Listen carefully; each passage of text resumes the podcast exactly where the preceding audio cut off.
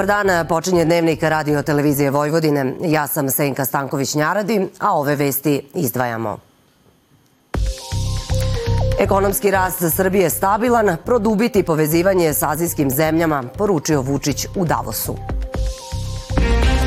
Građani na Kosovu i Metohiji ogorčeni zbog ukidanja platnog prometa u dinarima. U Aleksinačkoj fabrici Magna sinoć se preko stotinu radnika otrovalo isparenjima lepka. Srpski teniser Miomir Kecmanović plasirao se u treće kolo Australijan Opena.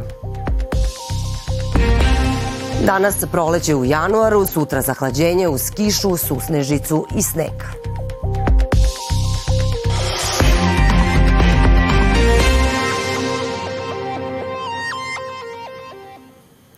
Na Svetskom ekonomskom forumu u Davosu danas je održan panel Novo evroazijsko svitanje, a jedan od prvih panelista bio je predsednik Aleksandar Vučić. On se pohvalio time da je Srbija od 2012. više nego udvostručila vrednost ukupnog BDP-a sa 32 milijarde na skoro 69 milijardi. Govorio je i o ekonomskim odnosima Evropske unije i Zapadnog Balkana, a ukazao je i na to da se u svetu ekonomska moć sve više pomera ka Aziji. Najavljen kao predsednik zemlje koja ima prosperitetnu i najveću ekonomiju na Zapadnom Balkanu i države koja ima privredni rast, Vučić je u diskusiji Novo evroazijsko svitanje poručio da MMF predviđa da privredni rast Srbije iznosi 3,5% ove godine, ali on, kako kaže, veruje da će biti i veći. Zemlje Zapadnog Balkana, jugoistočne Evrope imaju veću stopu rasta od Evropske unije. Kao što znate, flash procena rasta zemalja Evropske unije 0,6 ove godine, a za sledeću godinu poslednja predviđena od Svetske banke je 0,9 Prognoze rasta za Uniju su sve slabije, dok za našu zemlju i region rastu. To znači da je naša ekonomija konzistentna. Kada govorimo recimo o stranim direktnim investicijama, 60 do 64 odsto dolazi iz Evrope, ali više od 32-33 dolazi iz Azije, Kine, Japana i Južne Koreje. Iako se prema Vučićevim rečima ekonomska moć u svetu sve više pomera ka Aziji, Srbiji i Zapadnom Balkanu potrebna je i jaka Nemačka. When they cough, we got pneumonia. Kada se Nemačka zakašlje, mi dobijemo upalu pluća. Ekonomski pad Nemačke od 0,3% predstavlja problem i za države u regionu. Da nije bilo pomenute kontrakcije, imali bismo plus 4,5% rasta ove godine, a ne plus 3,5%. Vučić najavljuje da će u subotu predstaviti veliki plan za Srbiju, a predsjednici Evropske banke za obnovu i razvoj poručio je u Davosu da od te organizacije očekuje pomoć, navodeći da je Srbija do sada imala sjajna iskustva sa EBRD-om. Predsednik Srbije sastao se danas u Davosu i sa predsednicom Evropske komisije. On je na svom Instagram profilu naveo da je imao odličan razgovor sa Ursulom von der Leyen o geopolitičkim izazovima i strateški važnim pitanjima za Srbiju uz fokus na realizaciju evropskog plana rasta za Zapadni Balkan. Srbija je spremna da na najbolji način iskoristi pomoć na putu modernizacije i izgradnje, a posebno sam zahvalio predsednici Evropske komisije na ličnom angažmanu i razumevanju rešavanju situacije u regionu i podršci evropskom putu naše zemlje, dodao je Vučić. Ministar spoljnih poslova Ivica Dačić poručio je na ministarskom sastanku samita pokreta nesvrstanih u Ugandi da Srbija neće priznati nezavisnost Kosova, niti će dozvoliti Kosovu da postane članica Ujedinjenih nacija i izrazio zahvalnost članicama pokreta koje ne priznaju jednostrano proglašenu nezavisnost.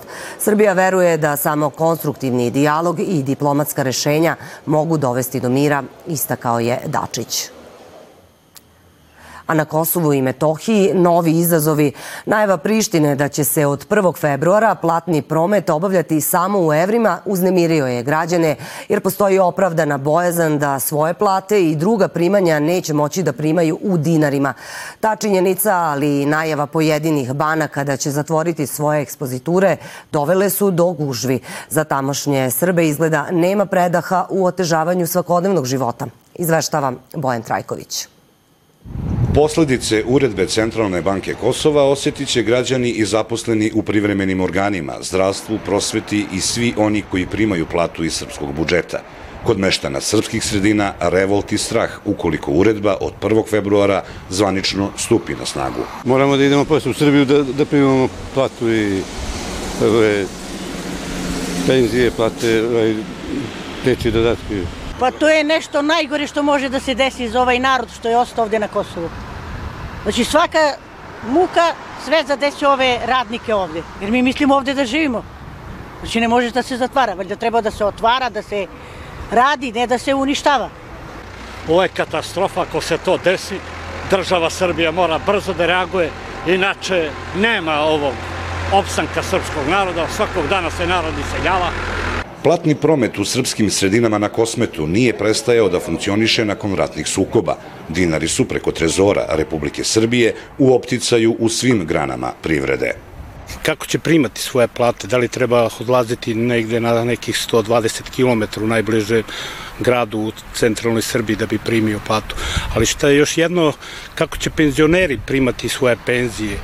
To su oni najugroženiji koji primaju svoje penzije na kućnu adresu. Centralna banka u Prištini novom uredbom reguliše uslove za promet valute dozvoljene gotovinskim transakcijama, dok se ostale valute mogu koristiti kao dragocjenosti za skladištenje u fizičkom obliku ili na bankovnim računima. Razmena valuta može se vršiti jedino preko institucija licenciranih od strane Centralne banke u Prištini. Za RTV iz Gračanice, Bojan Trajković.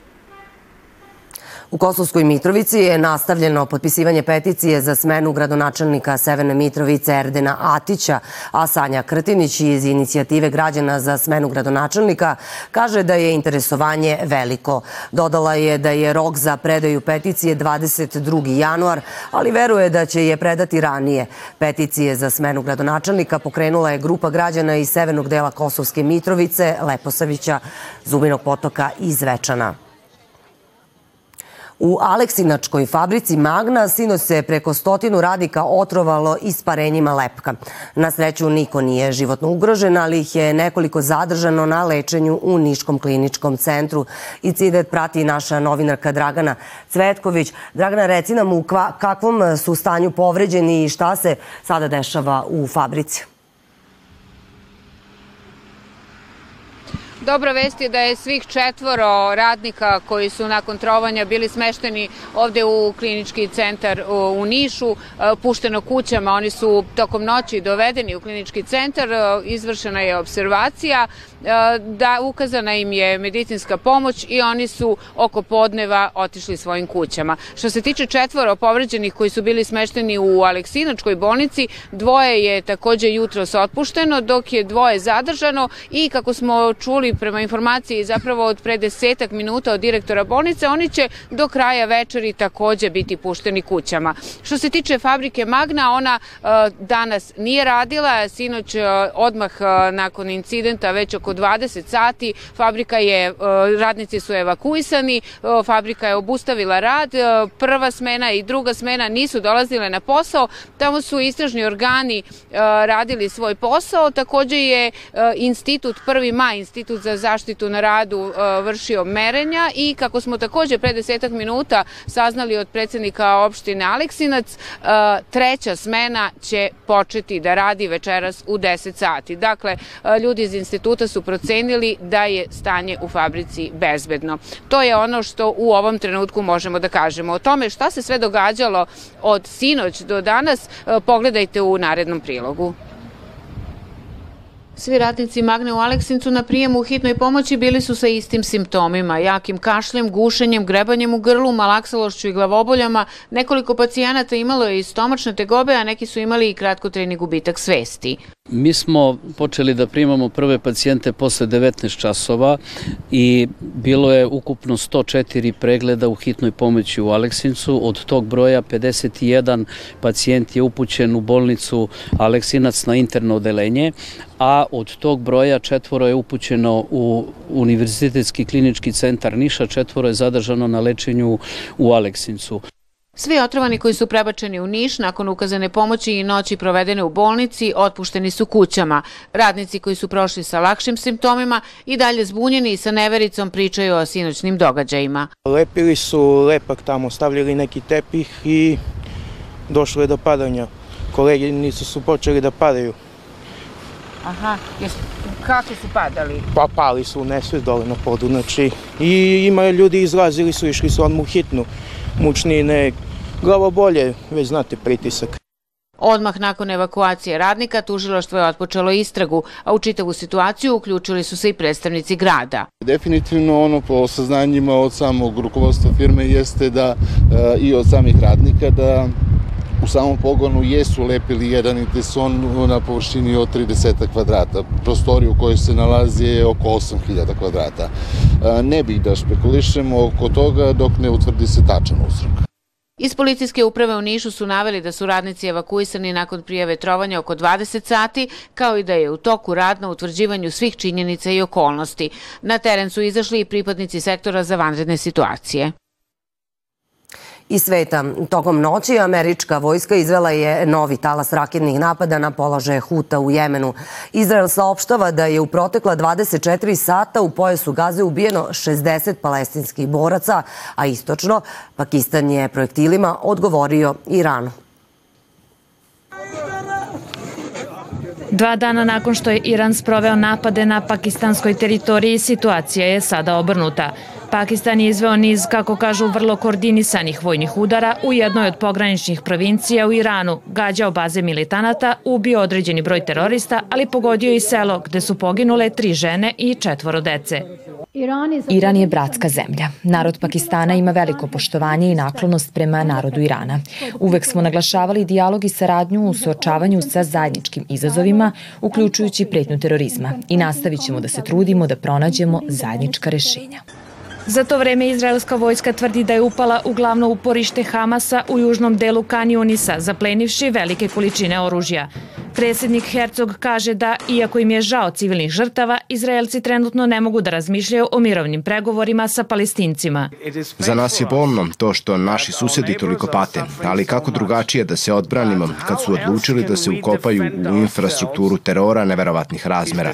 Međunarodna zajednica za sad ne uspeva da omogući 400 kamiona pomoći dnevno. Obično bude pola od toga. IDF saopštava i da su njeni borbeni avioni napali položaje Hezbolaha u Južnom Libanu, a četvrti put poslednjih nedelja američka vojska izvela je talas raketnih napada sa Crvenog mora na položaje Huta u Jemenu i pogodila 14 projektila koji su ocenili kao neposrednu pretnju.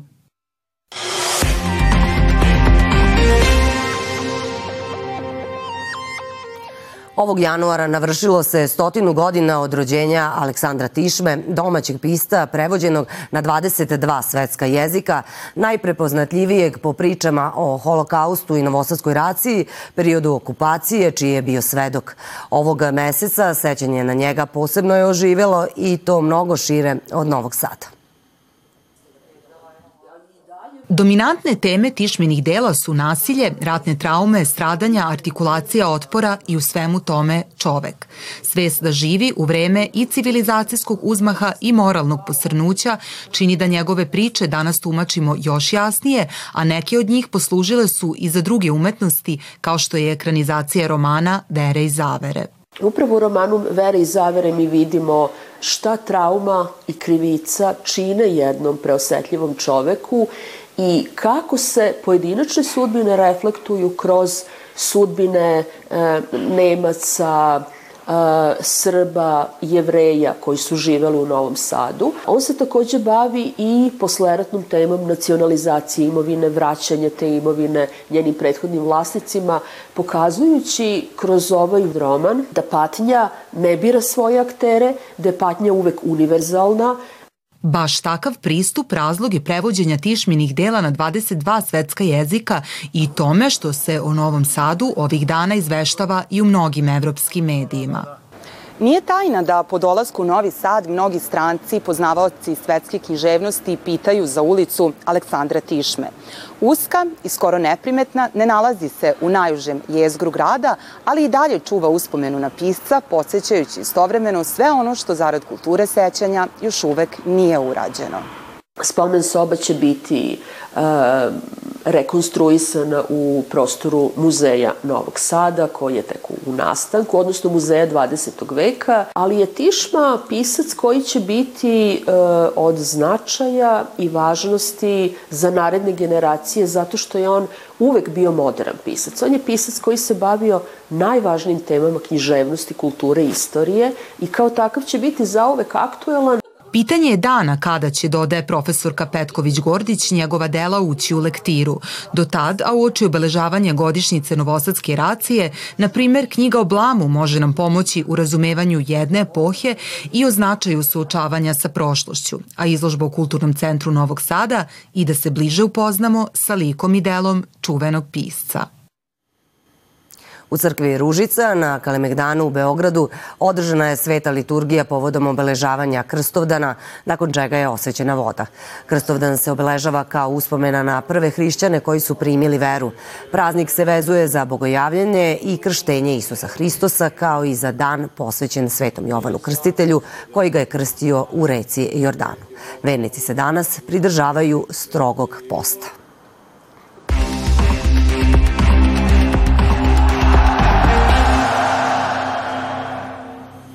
Bojane, vreme da pričamo o sportu. U dnevniku, pored Đokovića i Kecmanović igra odlično na Australijan Open. Teška pobjeda, ali pobjeda. Srpski teniser Mijomir Kecmanović plasirao se u treće kola Australijan Opena.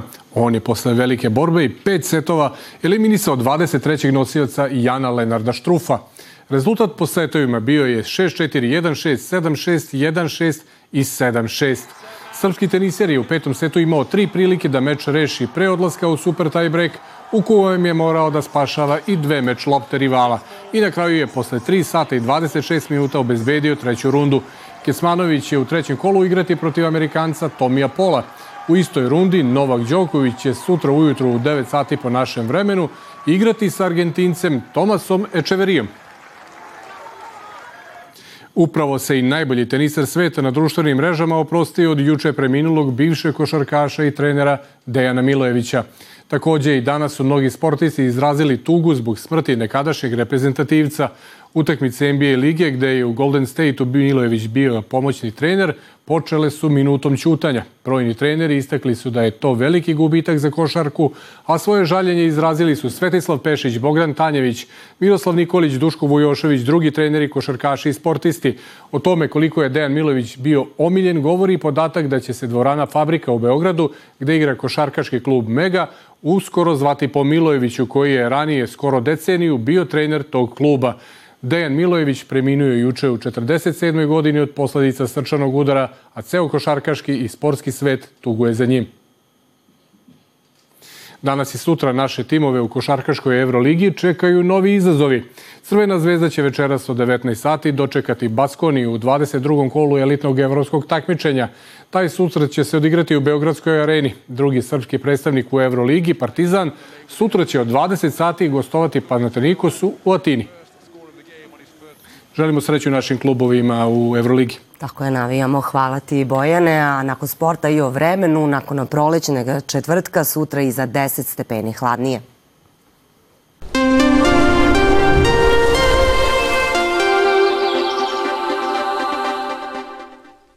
Sutra znatno hladnije u odnosu na topli četvrtak. U petak oblačno sa kišom koja popodne prelazi u sneg prvo na severu i zapadu Srbije. Samo na jugu ostaje toplo. Jutene temperatura od 4. do 11. podeljka, a dnevna do 20 stepeni u Leskovcu.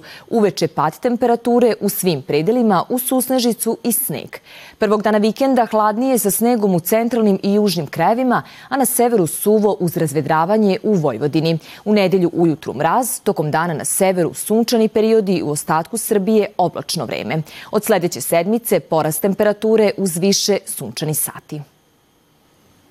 I kao što ste čuli, danas najtopliji dan od početka januara, sutra sneg. Na kraju dnevnika poslušajte savet kako olakšati posledice temperaturnih kolebanja. Temperaturni roller coaster, odnosno vrtoglave promene vremenskih prilika ovih dana kada ustajemo u proleće i ležemo uz temperature ispod nule, negativno se odražavaju na srčane bolesnike, na asmatičare hipertoničare i nervno labilne. Pitali smo novosađene kako podnose ove temperaturne klackalice.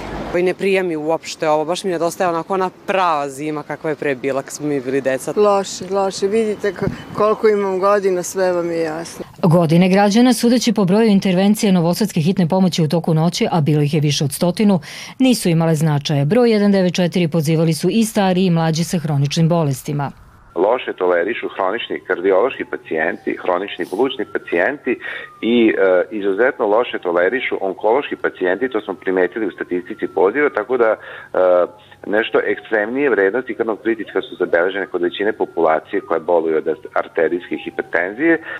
Osobe koje nemaju zdravstvene tegobe sa naglim promenama vremena su meteorološki zdrave, one sa umerenim tegobama su meteorosenzitivni, a oni koji se loše osjećaju su meteoropate, kaže profesor dr. Milorad Žikić i savjetuje kako da prebrodimo temperaturne oscilacije. To se postiže na taj način što treba da žive sa prirodom i u prirodi. Eto, to je ta formula koja jednostavno rečeno rešava taj problem. E, da bi to postigli, treba svakog dana, bez obzira na vremenske prilike, da čovjek boravi na polju bar sat vremena.